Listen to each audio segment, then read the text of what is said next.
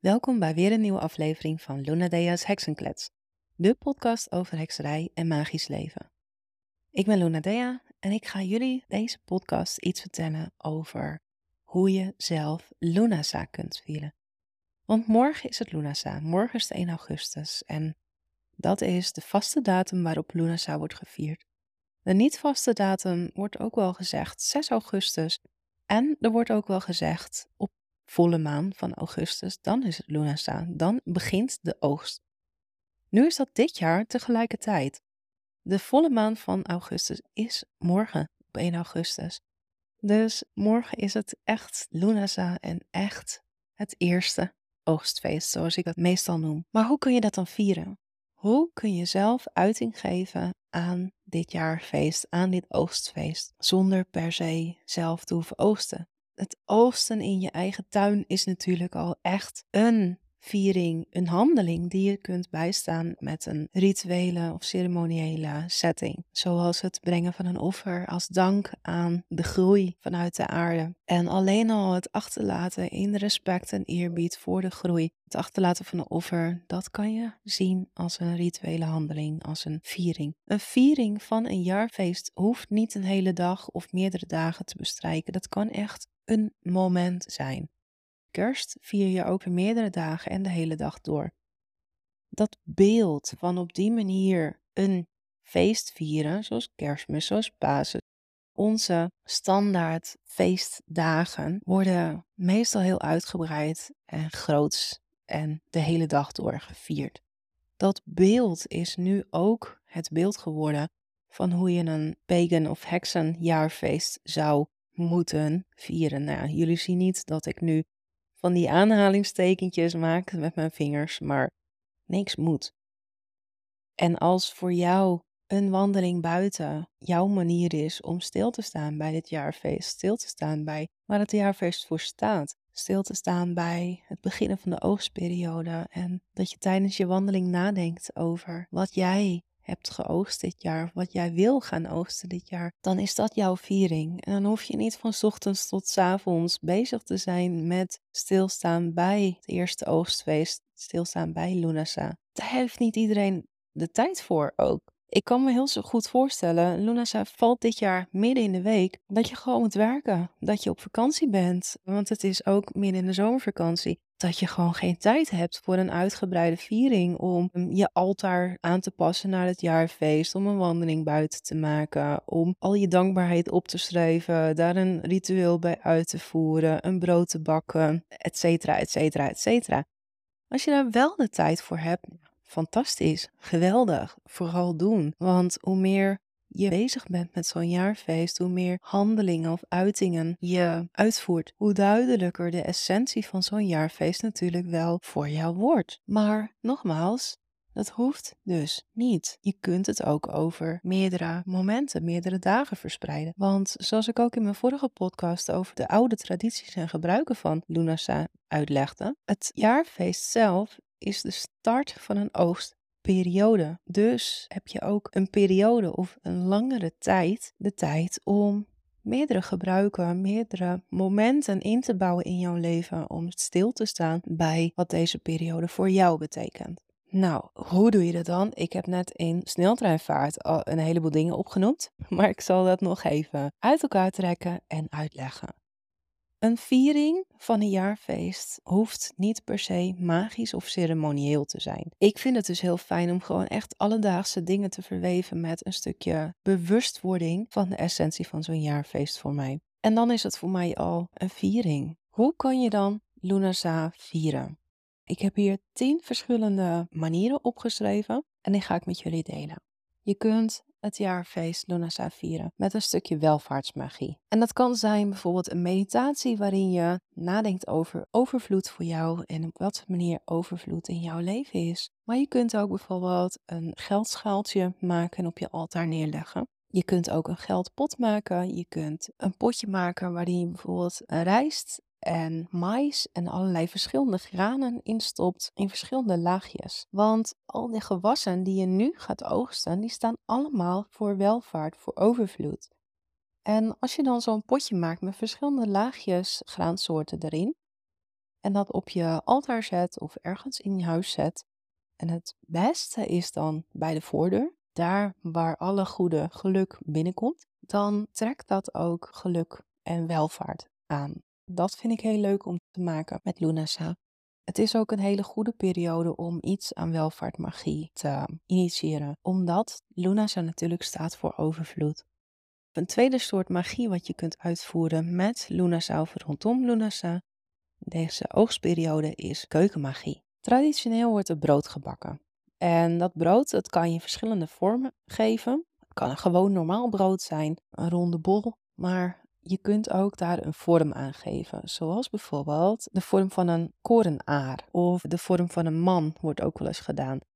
En dan is de traditie om de man het hoofd af te breken. En dat symboliseert weer de God die zich opoffert aan het land. Dat klinkt een beetje luguber, maar het is wel een hele oude traditie om brood te bakken in de vorm van een man. Broodbakken überhaupt is een hele oude traditie die past bij Lunasa. Als je nou niet van brood houdt of niet weet hoe je een brood moet bakken, dan is alles rondom keukenmagie ook passend bij Lunasa. Maak bijvoorbeeld je keuken magisch schoon of strooi wat magie rond in jouw keuken. En dan bedoel ik dat je echt jouw energie verspreidt in de keuken en waarbij de bedoeling is dat alles wat jij het komende jaar maakt in jouw keuken, dat dat extra magie bevat. En dat kan ook wel keukenmagie zijn. Dus magie terugbrengen in jouw keuken. En daar hoef je helemaal geen keukenprinses voor te zijn. Daar hoef je helemaal niet goed te zijn in koken. Tegenwoordig is koken sowieso natuurlijk een stuk makkelijker geworden. Want je typt gewoon een recept in op Google en je kunt kiezen uit verschillende recepten en gewoon een stappenplan volgen. Je hoeft niet meer alles uit je hoofd te weten om goed te kunnen koken. Keukenmagie past dus echt bij Lunasa. Het derde is een graanpopje maken. En dat klinkt veel ingewikkelder dan het is. Misschien denk je nu, hoe kom ik aan graan? Nu op dit moment staan de grassen ook heel erg hoog. En ja, gras en graan zijn niet hetzelfde, maar het ziet er wel een beetje, een beetje hetzelfde uit. Je kunt ook een hele grote bos hoog gras plukken, afsnijden en daar een popje mee maken. In een biologische winkel kun je mais kopen met de bladeren er nog aan en die bladeren dan gebruiken voor een popje. Op Google staan heel veel verschillende manieren om van graan of van maisbladeren een popje te maken. En dat is echt niet super ingewikkeld. Ja, er zijn ook super ingewikkelde manieren om van graan echt hele vlechtwerken te maken. Ik durf dat niet aan. Ik hou van simpel en makkelijk. Ik buig de lange stengels zodat het al een soort hoofdvormtje krijgt. Ik bind er wat touwtjes aan en je buigt hier en daar wat om en dan bind je ook weer touwtjes aan. Het klinkt nu echt super simpel, maar het is echt niet zo moeilijk om een popjesvorm te krijgen. Het graampopje, wat doe je er vervolgens mee? Je kunt dat als offer brengen aan een graanveld, mocht je weten waar dat in jouw buurt is. Je kunt het als offer brengen gewoon überhaupt aan moeder aarde. Dus dat kan ook in je tuin of op jouw favoriete buitenplek. Je kunt ook het popje, dat werd ook wel gedaan, dat het popje het hele jaar bewaard werd. Of nou niet het hele jaar, maar tot aan het voorjaar bewaard werd. En dan aan het land geofferd werd. Iets simpeler dan een graanpopje maken is een bezem maken. Want Luna zei is ook de inluiding van de herfst. En in de herfst en de winter zijn er allerlei heksen gebruiken om te zuiveren, om je huis te zuiveren. Dus om je voor te bereiden daarop, wintervoorbereiding, kan je een magische bezem maken.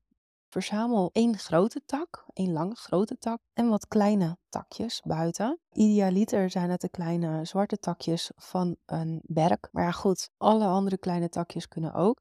Je zou ook stukjes van heideplant kunnen gebruiken. Dat werd vroeger ook wel als borstel van de bezem gebruikt. En heide begint nu met bloeien, dus dat is wel echt heel erg mooi om dat te gebruiken. Laat een offer achter als je iets uit de natuur wegneemt. Leg ook uit waarvoor je het wegneemt. En bind dan de kleine takjes of het stukje heide aan je lange tak vast en je hebt een bezem. En dan kun je het vervolgens nog verder versieren met andere mooie lintjes en hangertjes of wat jij mooi vindt. Maar dat hoeft niet. En dan ben jij voorbereid op de gebruiken die later bij de andere jaarfeesten komen om te zuiveren. Want met een bezem kun je zuiveren. kun je alle negativiteit het huis uitvegen en dan laat je positiviteit achter. En zeker met heide is dat zo, want de heide staat voor liefde en vriendschap onder andere. Dus ja, dat vind ik ook een hele leuke om te doen in deze oogstperiode.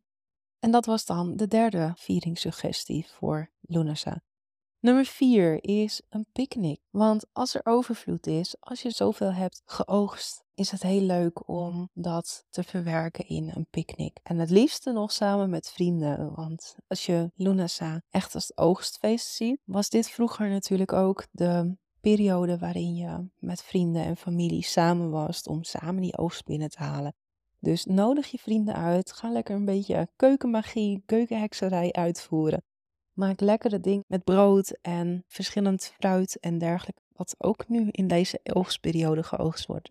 Ga samen picknicken, ga samen buiten. Genieten van de zon nu nog en genieten van de eerste tekenen van de herfst. Als je dan toch buiten bent, nummer 5, suggestie is maak een wandeling om de eerste tekenen van de herfst te spotten.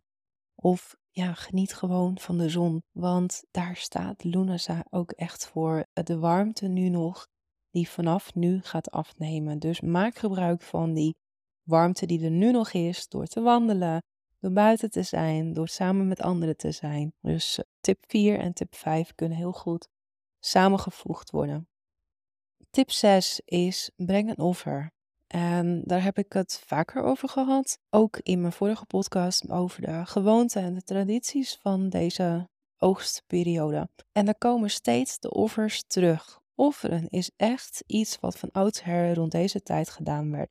Dus je kunt je graampopje offeren, maar je kunt ook een stuk van je brood offeren of iets anders wat jij echt als een offer ziet. Er wordt ook wel alcohol geofferd of melk en honing en dat soort dingen worden er allemaal van oudsher geofferd. Maar een offer brengen is ook echt een oude traditie van deze tijd.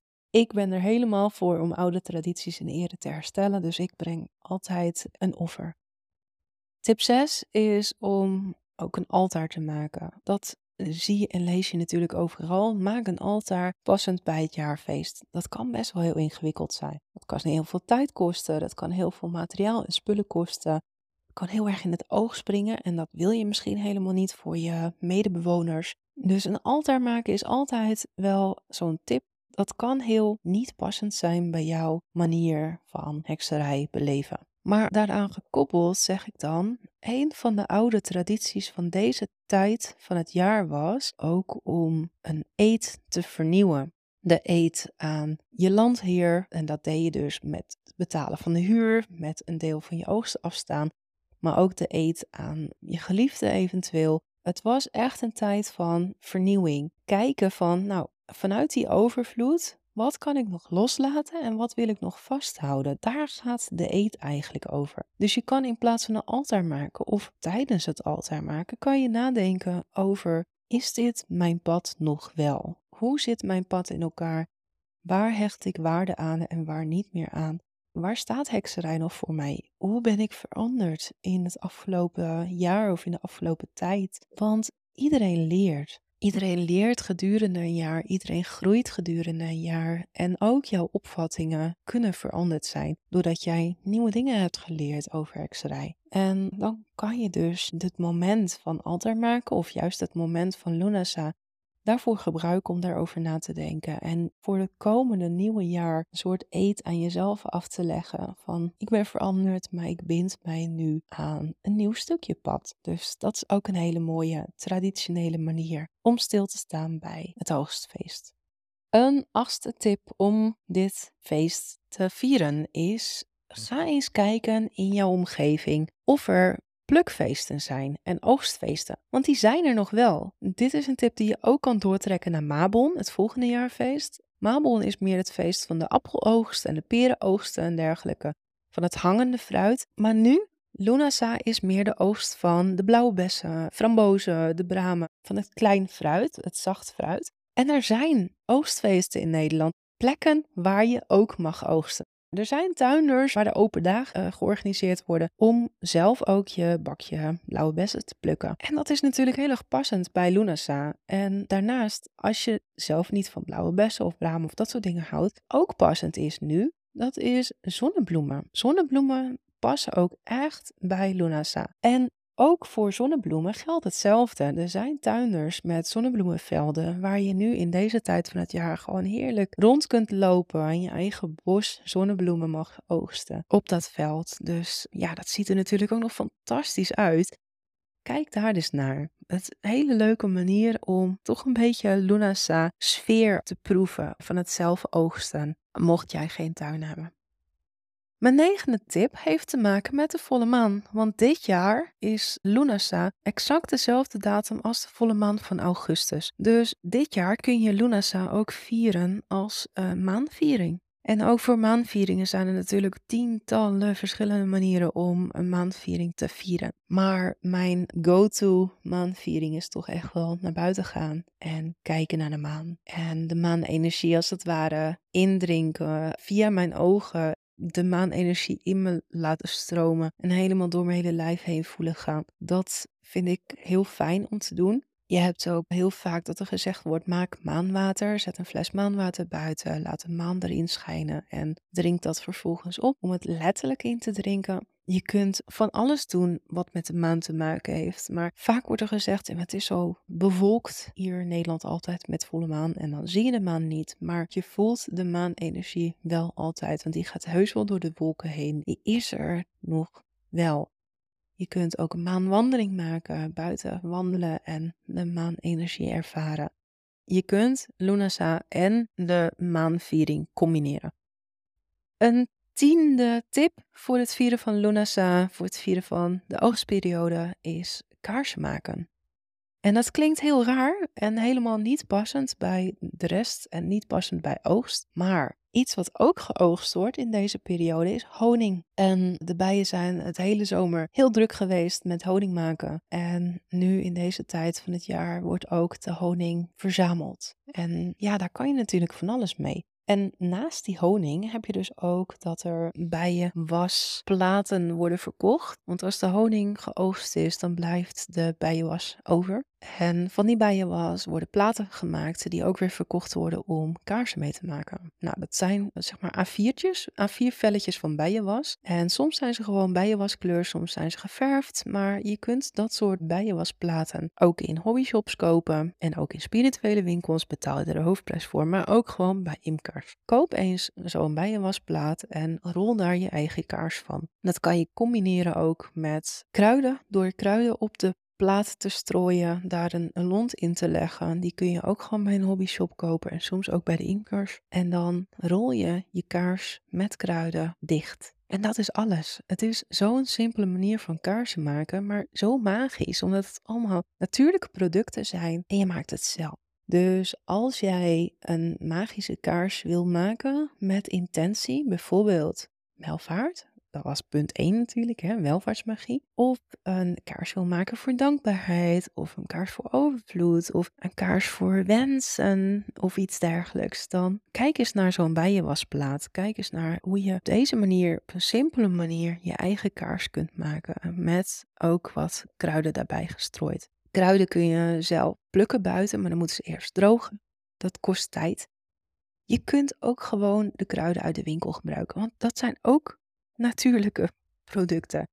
Je hebt geen synthetische kruiden natuurlijk of iets dergelijks. Ook de kruiden in de winkel zijn gewoon gegroeid. En misschien niet helemaal vanzelf en misschien niet heel natuurlijk buiten in een natuurlijke omgeving, maar in een kas en wel met zonlichtlampen en dergelijke. Maar het is nog steeds een natuurproduct. Dus als jij geen geld hebt of geen tijd hebt om te kijken naar waar er echt natuurlijke magische kruiden verkocht worden. Denk eens gewoon aan je supermarktkruiden of ga eens naar een reformwinkel, want daar is het allemaal net iets meer natuurlijk, maar ook weer wat duurder.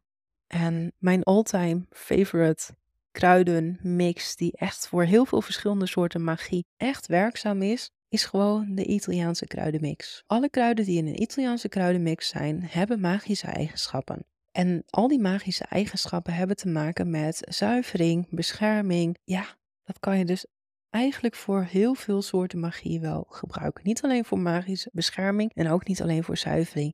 Ze staan ook echt wel voor andere dingen, zoals dus welvaart, zoals wensen uit laten komen, zoals dromen tot uiting laten komen en dergelijke. Dus heb je niks anders, wil je een kaars maken, heb je wel je bijenwas en je lont, maar geen kruiden, Kijk in je keukenkastje, pak de Italiaanse kruidenmix, strooi die eroverheen en rol dan je kaars dicht. En dan heb je ook een magische kaars. Nou, dit zijn 10 manieren om Lunasa te vieren of de oostperiode. Ik hoop dat je hier inspiratie uit kan halen om in ieder geval één iets daarvan in de praktijk te brengen. En op die manier stil te staan bij deze periode en wat deze periode ook voor jou betekent. Want welke van deze manieren je ook uitvoert, het heeft allemaal tot doel om jou bewust te maken van deze periode in het jaar en wat dat met jou doet. Op welke manier jij overvloed ervaart, op welke manier jij welvaart ervaart, op welke manier jij stil kan staan bij oogsten. En dat is de essentie van Lunasa en van Lunasa vieren.